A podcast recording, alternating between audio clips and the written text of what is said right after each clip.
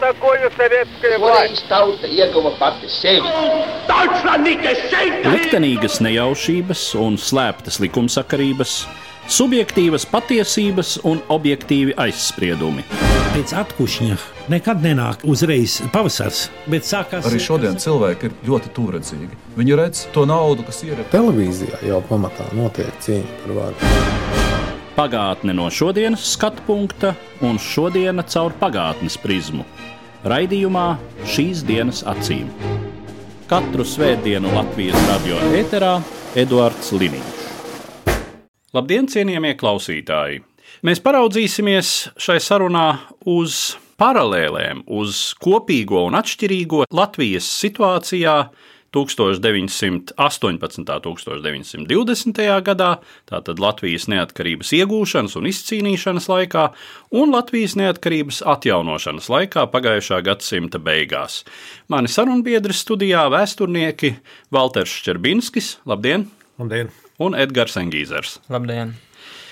Varbūt vispirms mēs varētu iezīmēt to vēsturisko fonu vienā un otrā Latvijas neatkarībai būtiskajā situācijā pēc Pirmā pasaules kara, Austrum Eiropas impēriju sabrukšanas situācija, jaunu valstu veidošanās situācija un situācija augstā kara noslēgumā, arī sabrūkot veselai valstu sistēmai, kuru mēs 20. gadsimta vēsturē pazīstam kā padomju bloku. Es domāju, ka mums jāskatās uz vēsturi kā uz tādu upi, kurā nevar divreiz iekāpt. Un analoģisku situāciju mēs nevaram atrast, bet arī pašā laikā kaut kādas līdzīgas iezīmes mēs noteikti varam saskatīt. Nu, tas kopīgais, acīm redzot, ir saistīts ar to, ka sabrūk kādas lielas impērijas.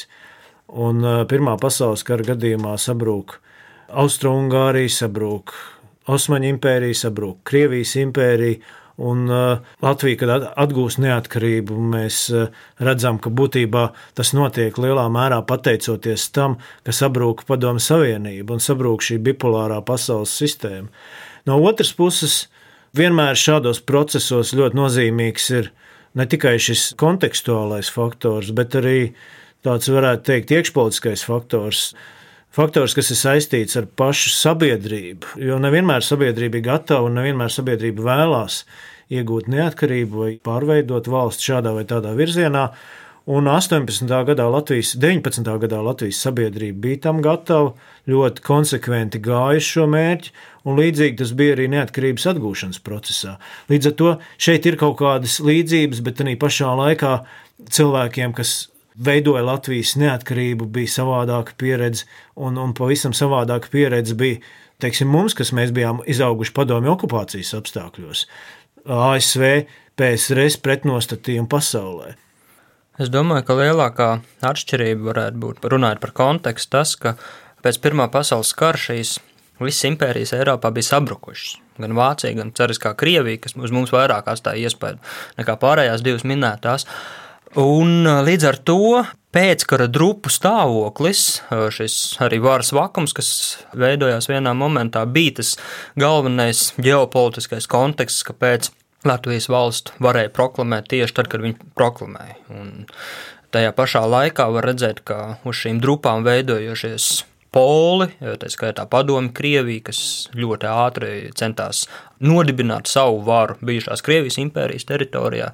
Savukārt augstākā beigās Padomju Savienība bija brūkoša, bet viņi vēl ķeparojās. Un līdz ar to šis konteksts, manuprāt, arī varētu būt šīs, šīs lielākās atšķirības. Mēs redzam, ka Padomju Savienība, kad viņa sabrūk 92. gadā tikai, un Latvija jau ir neatkarīga, Baltijas valsts jau ir neatkarīga, pat pārējās Padomju republikas jau ir iegūšas neatkarību sākot ar pašu Krieviju. Bet es domāju, ka lielā mērā kas dod zinām robežšķietni starp abiem gadījumiem. Pirmais ir tātad iegūt valstisku neatkarību, un šo valstisko neatkarību teiksim, īsteno cilvēki, kas būtībā sistēma jau nemainījās. Līdz 18 gadam un pēc 18 gadam cilvēki dzīvoja vairāk vai mazāk līdzīgā sistēmā, teiksim, tirgus attiecības un tā tālāk. Savukārt cilvēki, kas atjaunoja Latvijas neatkarību, nāca no citas planētas, ja varētu tēlaini izteikties. Cilvēki, kuriem bija apzināti mēģināta pārveidot visu uztveri, domāšanu, un daļēji padomju okupācijas režīms bija sekmīgs, un to mēs redzam vēlāk, 90. gados līdz pat mūsdienām. Cilvēki 90. gados pavisam atšķīrās no cilvēkiem, kas dzīvoja ārpus brīvajā pasaulē, un šīs izmaiņas izzūd ļoti lēnām, un manuprāt, tas ir tas svarīgākais elements, kas runā par atšķirībām starp 18, 19 gadu un 90. gadu sākumu, 80. gadu beigām. Šķiet, ka Pirmā pasaules kara izskaņā šī impērijas sabrukšana, tās iemesli ir uzskatāmāki. Šīs valstis ir novājinātas salīdzinoši nesekmīgā kara darbībā, kā ir ar Padomju Savienības sabrukumu, par kura iemesliem droši vien šobrīd ir iespējams vispār spriest jau no vēstures viedokļa. Jo saprotams, ka tūlīt pēc tam distance vēl bija nepietiekama. Es teiktu, ka šīs distances jautājums varbūt tās ir svarīgākais vēl aizvien. Jo runājot par Pirmā pasaules kara impērijas sabrukuma cēloņiem, mums jāsaprot, ka ir pagājis pietiekami liels izpētes laiks, un viņi visi ir ne tikai apzināti, bet analizēti, un viņi ir nonākuši sabiedriskajā atmiņā, sociālajā atmiņā un skolas mācību grāmatās. Runājot par padomi, Savienības sabrukumu mēs varam redzēt salīdzinoši nelielu laika posmu, kad šī pētniecība un analīze bija. Un tas ir Jēlcina laiks Krievijā. Jo lielākā daļa no materiāliem, no arhīviem, kas vēsturniekiem ir interesanti šī jautājuma sakarā, tomēr atrodas Maskavā. Šis tāds kultūrālais, intelektuālais atpūsnis bija salīdzinoši īs.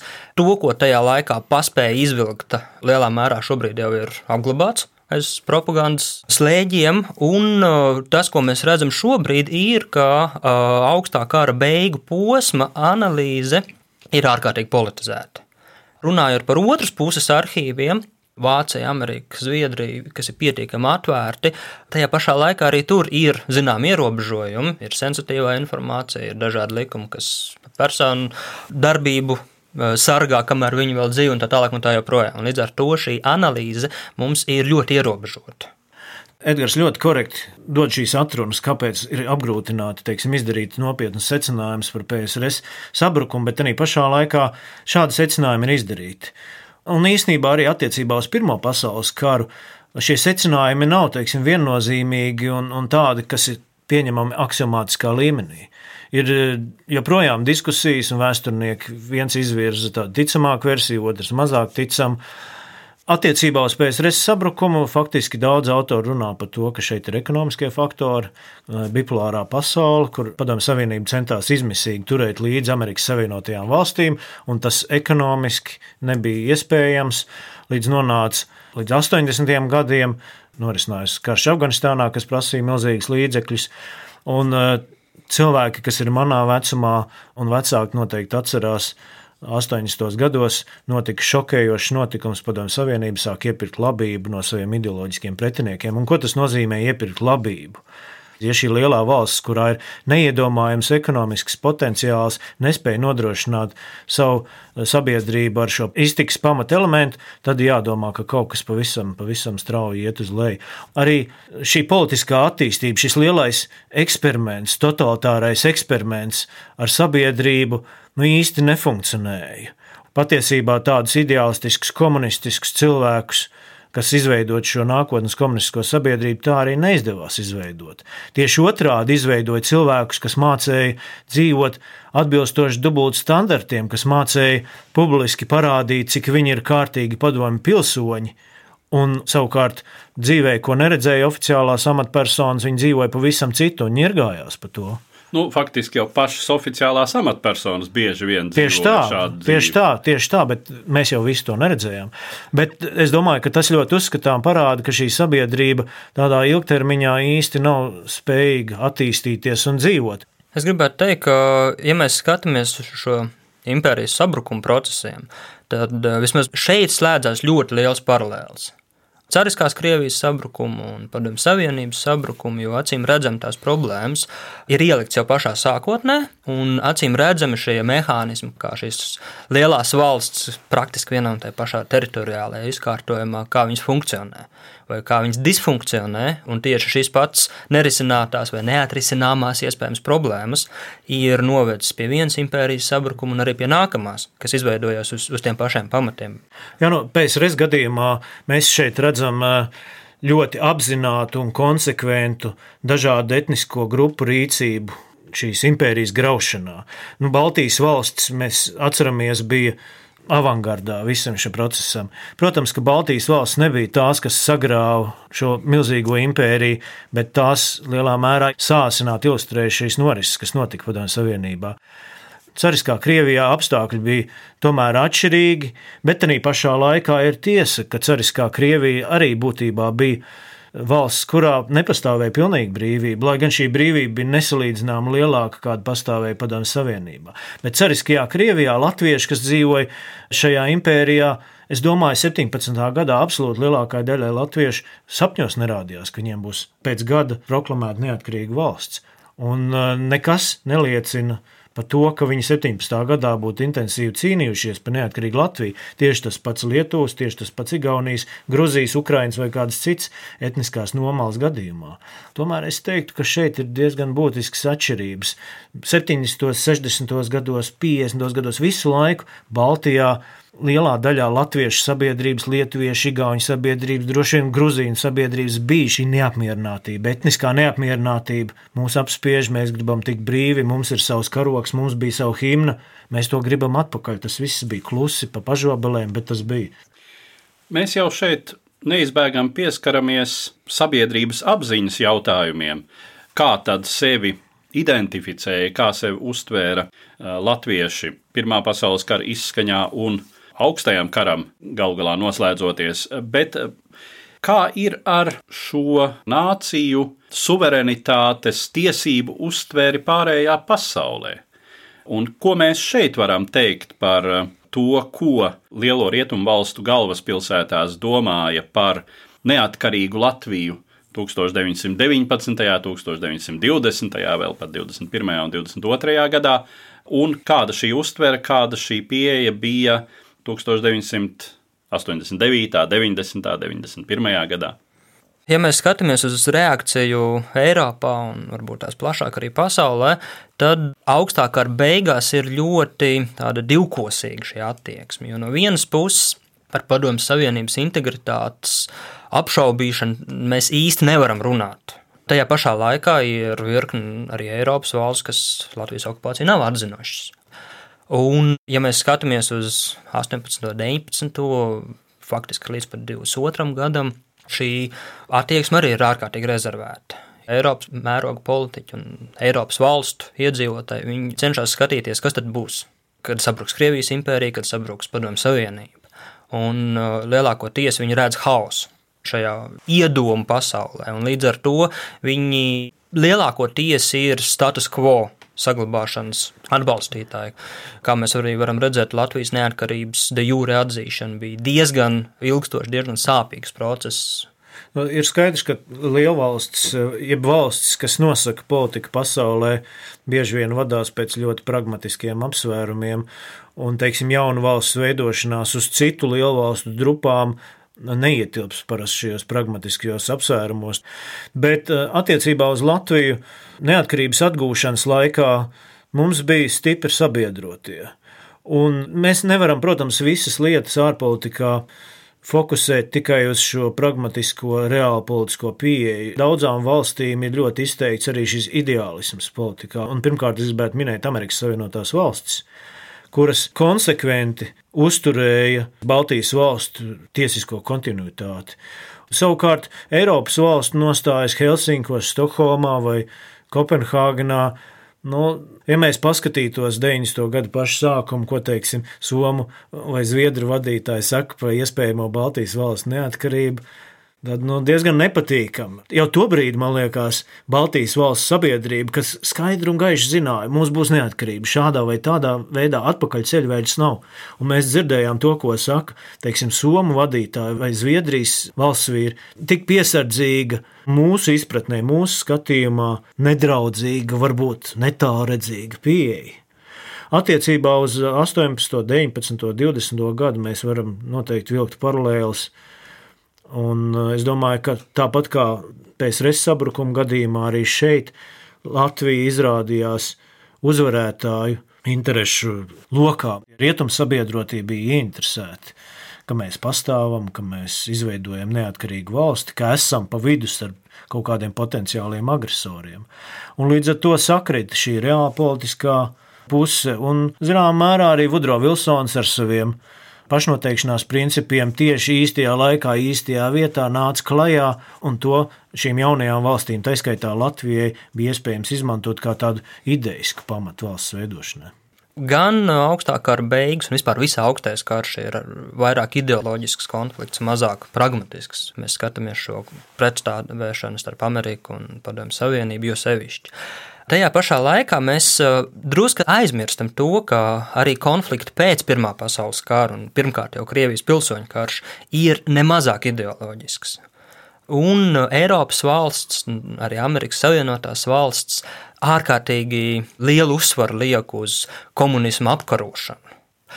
Un līdz ar to šīs paralēles, manuprāt, ir ārkārtīgi būtiski tieši no ideoloģiskā viedokļa, kas ir pēc būtības arī šis galvenais eh, iemesls, kāpēc tieši Amerika kļūst neatkarības atjaunošanas posmā, atbalstītājs lielākais, gan arī 18. un 19. gadā, kad Eiropas valsts sniedz lielu palīdzību kad padomju Krievija un padomju Savienība tiek uh, no pārējās Eiropas uztverta kā drauds un uh, tiek darīts viss, lai viņu vājinātu vai lai sagrautu. Protams, neatkarības idejas Baltijā augustā kara beigās viņas tiek uztverts kā viens no spēcīgiem instrumentiem, lai sagrautu padomju Savienību no iekšpuses. Jā, es, es gribētu teiksim, domāt, ka būtībā šādas ideoloģiskās vērtības vairāk tomēr ir neatkarības atgūšanas procesā, nevis valsts izveidošanas pirmsākumos, jo sabiedrība jau visu laiku attīstās, un cilvēki attīstās, un arī rietumu sabiedrība, kas 20. gadsimtā ir bijusi noteicoša pasaulē.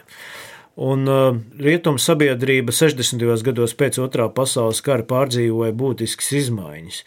Cilvēkiem sākās apjausma par to, ka līdzās materiālām vērtībām pastāv arī ļoti daudz tādas nemateriālas vērtības, par kurām ir vērts ļoti nikni cīnīties, un radās feminisma kustības, tas ir sieviešu, vīriešu līdztiesības jautājumi, ekoloģisms, dabas aizsardzība no dažādiem aspektiem un tā tālāk un tā joprojām. Galu galā vārda brīvība mūsdienu izpratnē īstenojumu gūst tikai pagājušā gadsimta 60. un 70. Jā, jā gados. tieši tā, nu atcerēsimies arī politiskās tiesības visā pasaulē.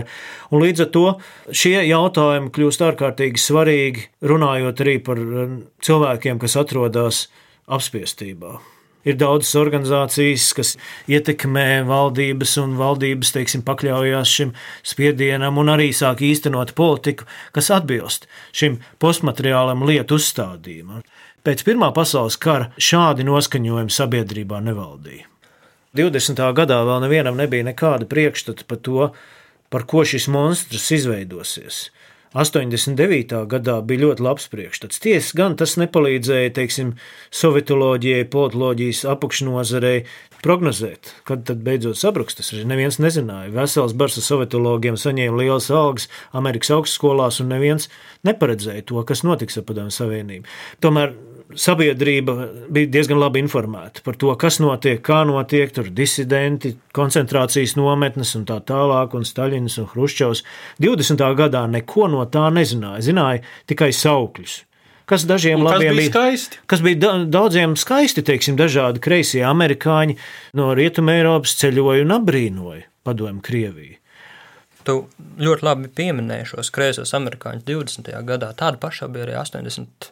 un pat vēl 90. gadā. Un, un man liekas, ka tā var būt. Tā ir slimība, kas nav izārstējama dažreiz. Un varbūt tā gan ideoloģiskā, politiskā nokrāsa vai Mm. nostāja ir viens elements, bet tas, ko es gribētu vēl akcentēt, ir, ka, ka šīs valsts atjaunošana, tieši tāpatās kā valsts proklamēšana, valsts dibināšana, pēc būtības izriet tieši no kultūras attīstības.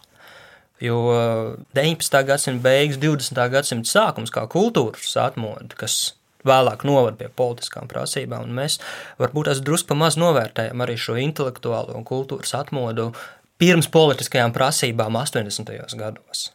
Tā varētu būt tā paralēla, kad soli pa solim attīstība, ka uzreiz nevar politiskās prasības tikt realizētas, ka ir, ir šīs nobriedināšanas periods visai sabiedrībai, jo Tieši tāpat kā 17. gadā, arī 77. gadā Latvijas sabiedrība un latviešu sabiedrība jau lielākoties bija konjunktūristiska. Nu, es negribētu tam piekrist. Es gribētu teikt, ka sabiedrība vienmēr ir teiksim, tas konjunktūras elements, jebkurā sabiedrībā. Es liektos teikt, ka tas ir cilvēka dabā. Ja mēs runājam par neatkarības prasībām no latviešu puses, Es nesauktu to par konjunktūru. Es teiktu, tā ir piemērošanās un gaidīšana, īstā brīža gaidīšana. Un uh, 60. un 70. gados, nu, ja mēs paskatāmies vēsturiski, nu, mums disidentisms nebija tāda ļoti izplatīta lieta. Bet beidzās partizānu karš pēc kara.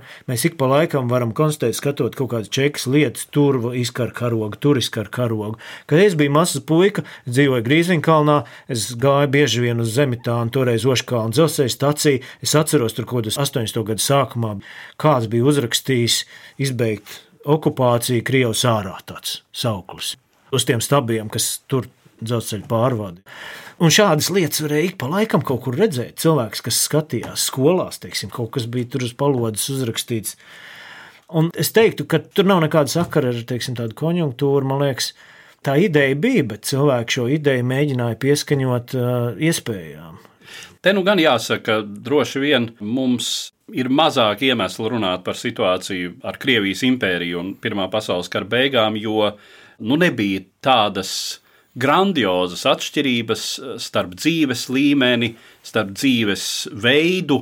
Krievijā katrā ziņā tās attīstītākajās daļās, pie kādām piederēja arī Latvija, un, teiksim, Šveici, Norvēģiju, Lielbritāniju. Tur nebija grandiozas starpības. Kāda tomēr bija, vai vismaz bija izjūta, ka tajā pusē dzīvo citādi. No vienas puses, padomju cilvēka dzīves līmenis, kāds tas izveidojās apmēram 60. gada otrā pusē, 70. gada sākumā, jau arī ietvēra apmēram visus tos pašus komforta elementus. Bija leduskapis, bija tāda vai citāda veļas mašīna, bija apkure lielākoties pilsētas dzīvokļos, un tajā pašā laikā laikam bija izjūta, ka deficīts, tā izraisītā tirgošanās zem letes, ka tas viss tomēr ir cilvēku cieņu pazemojoši. Nu, es domāju, ka ne tikai cilvēku cieņu pazemojoši, ekonomiskos trūkumus varēja redzēt.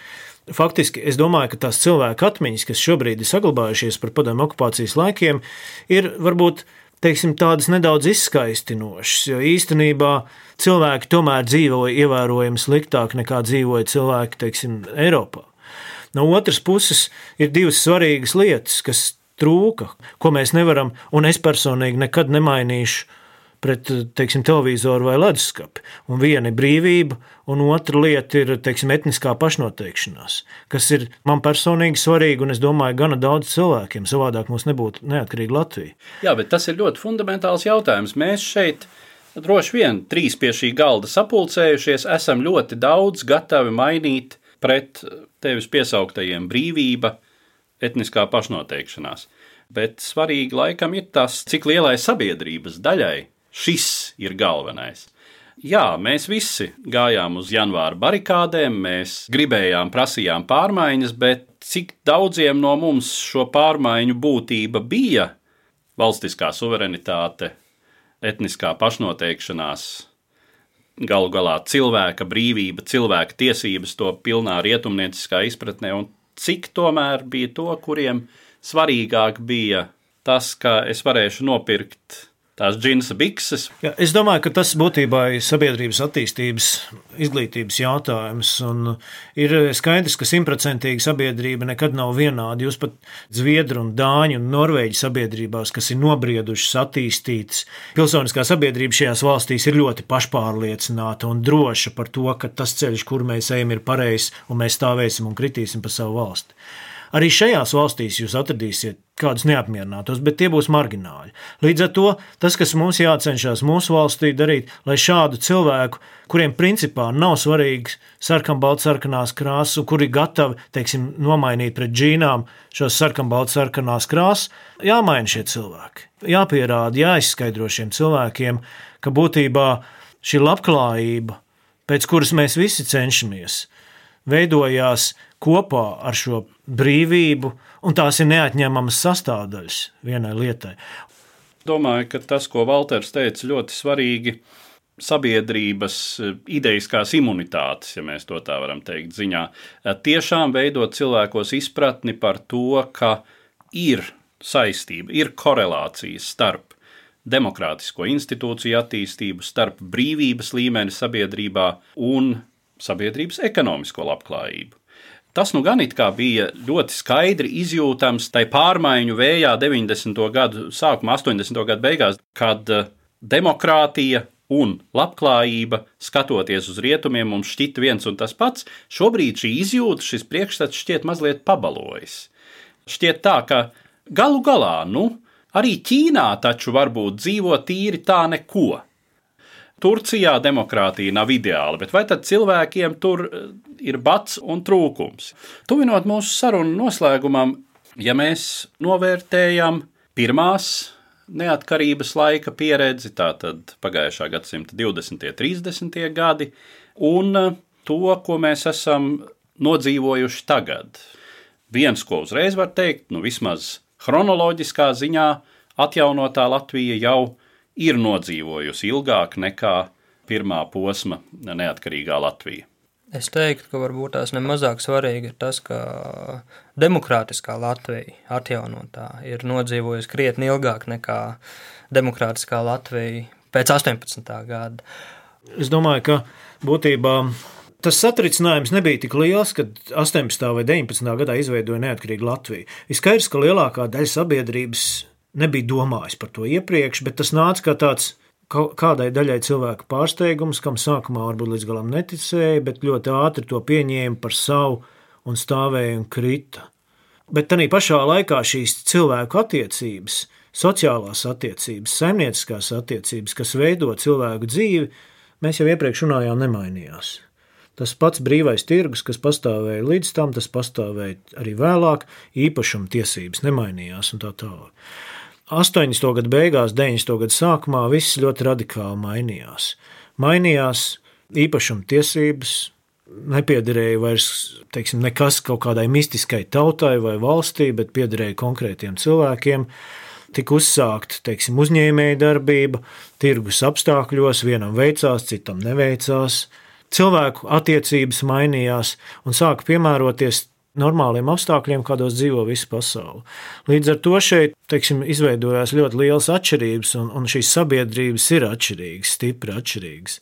Bet es domāju, ka tomēr tie 25 gadi manā uzskatā, un es esmu vēsturnieks, un Edgars ir vēsturnieks, un mums 25 gadi nav nekas daudz, tas ir tiešām mazs periods. Un rezultātā šīs pārmaiņas, kādas notiek, visu laiku notiek Latvijā, un notiek uz labu šīs pārmaiņas. Acīm redzami uz labu. Ja kāds negrib to atzīt, nu tad to viņš dara apzināti.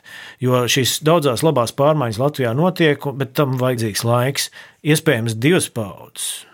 Iespējams, es neredzēšu šo pārmaiņu labākos rezultātus, bet viss jau notiek procesā un attīstās. Tā kā es gribu būt, un es esmu vienmēr bijis optimisms Latvijas lietās, un es pilnīgi noteikti redzu, ka daudzas lietas attīstās tā, kā tām jāattīstās valsts stiprināšanas un labklājības virzienā, un savā ziņā tā notika arī 20. un 30. gados. Es teiktu, ka svarīgākais varbūt tās arī, ko Valters pieminēja, ir šī paudze. 40. gadā Latvijā īsti vēl nebija paspējis nomainīties paudze. Tā, kas noteica visas lietas, un mēs redzam, ka Kārlis Ulmans ir pirmais Latvijas ministra prezidents un pēdējais Latvijas ministra prezidents. Roberts Dambīts ir Latvijas armijas dibinātājs un viņš ir Latvijas armijas likvidators. Mm. Tad šobrīd e, jau mēs esam pārkāpuši, mēs kāpjam pāri tam slieksnim.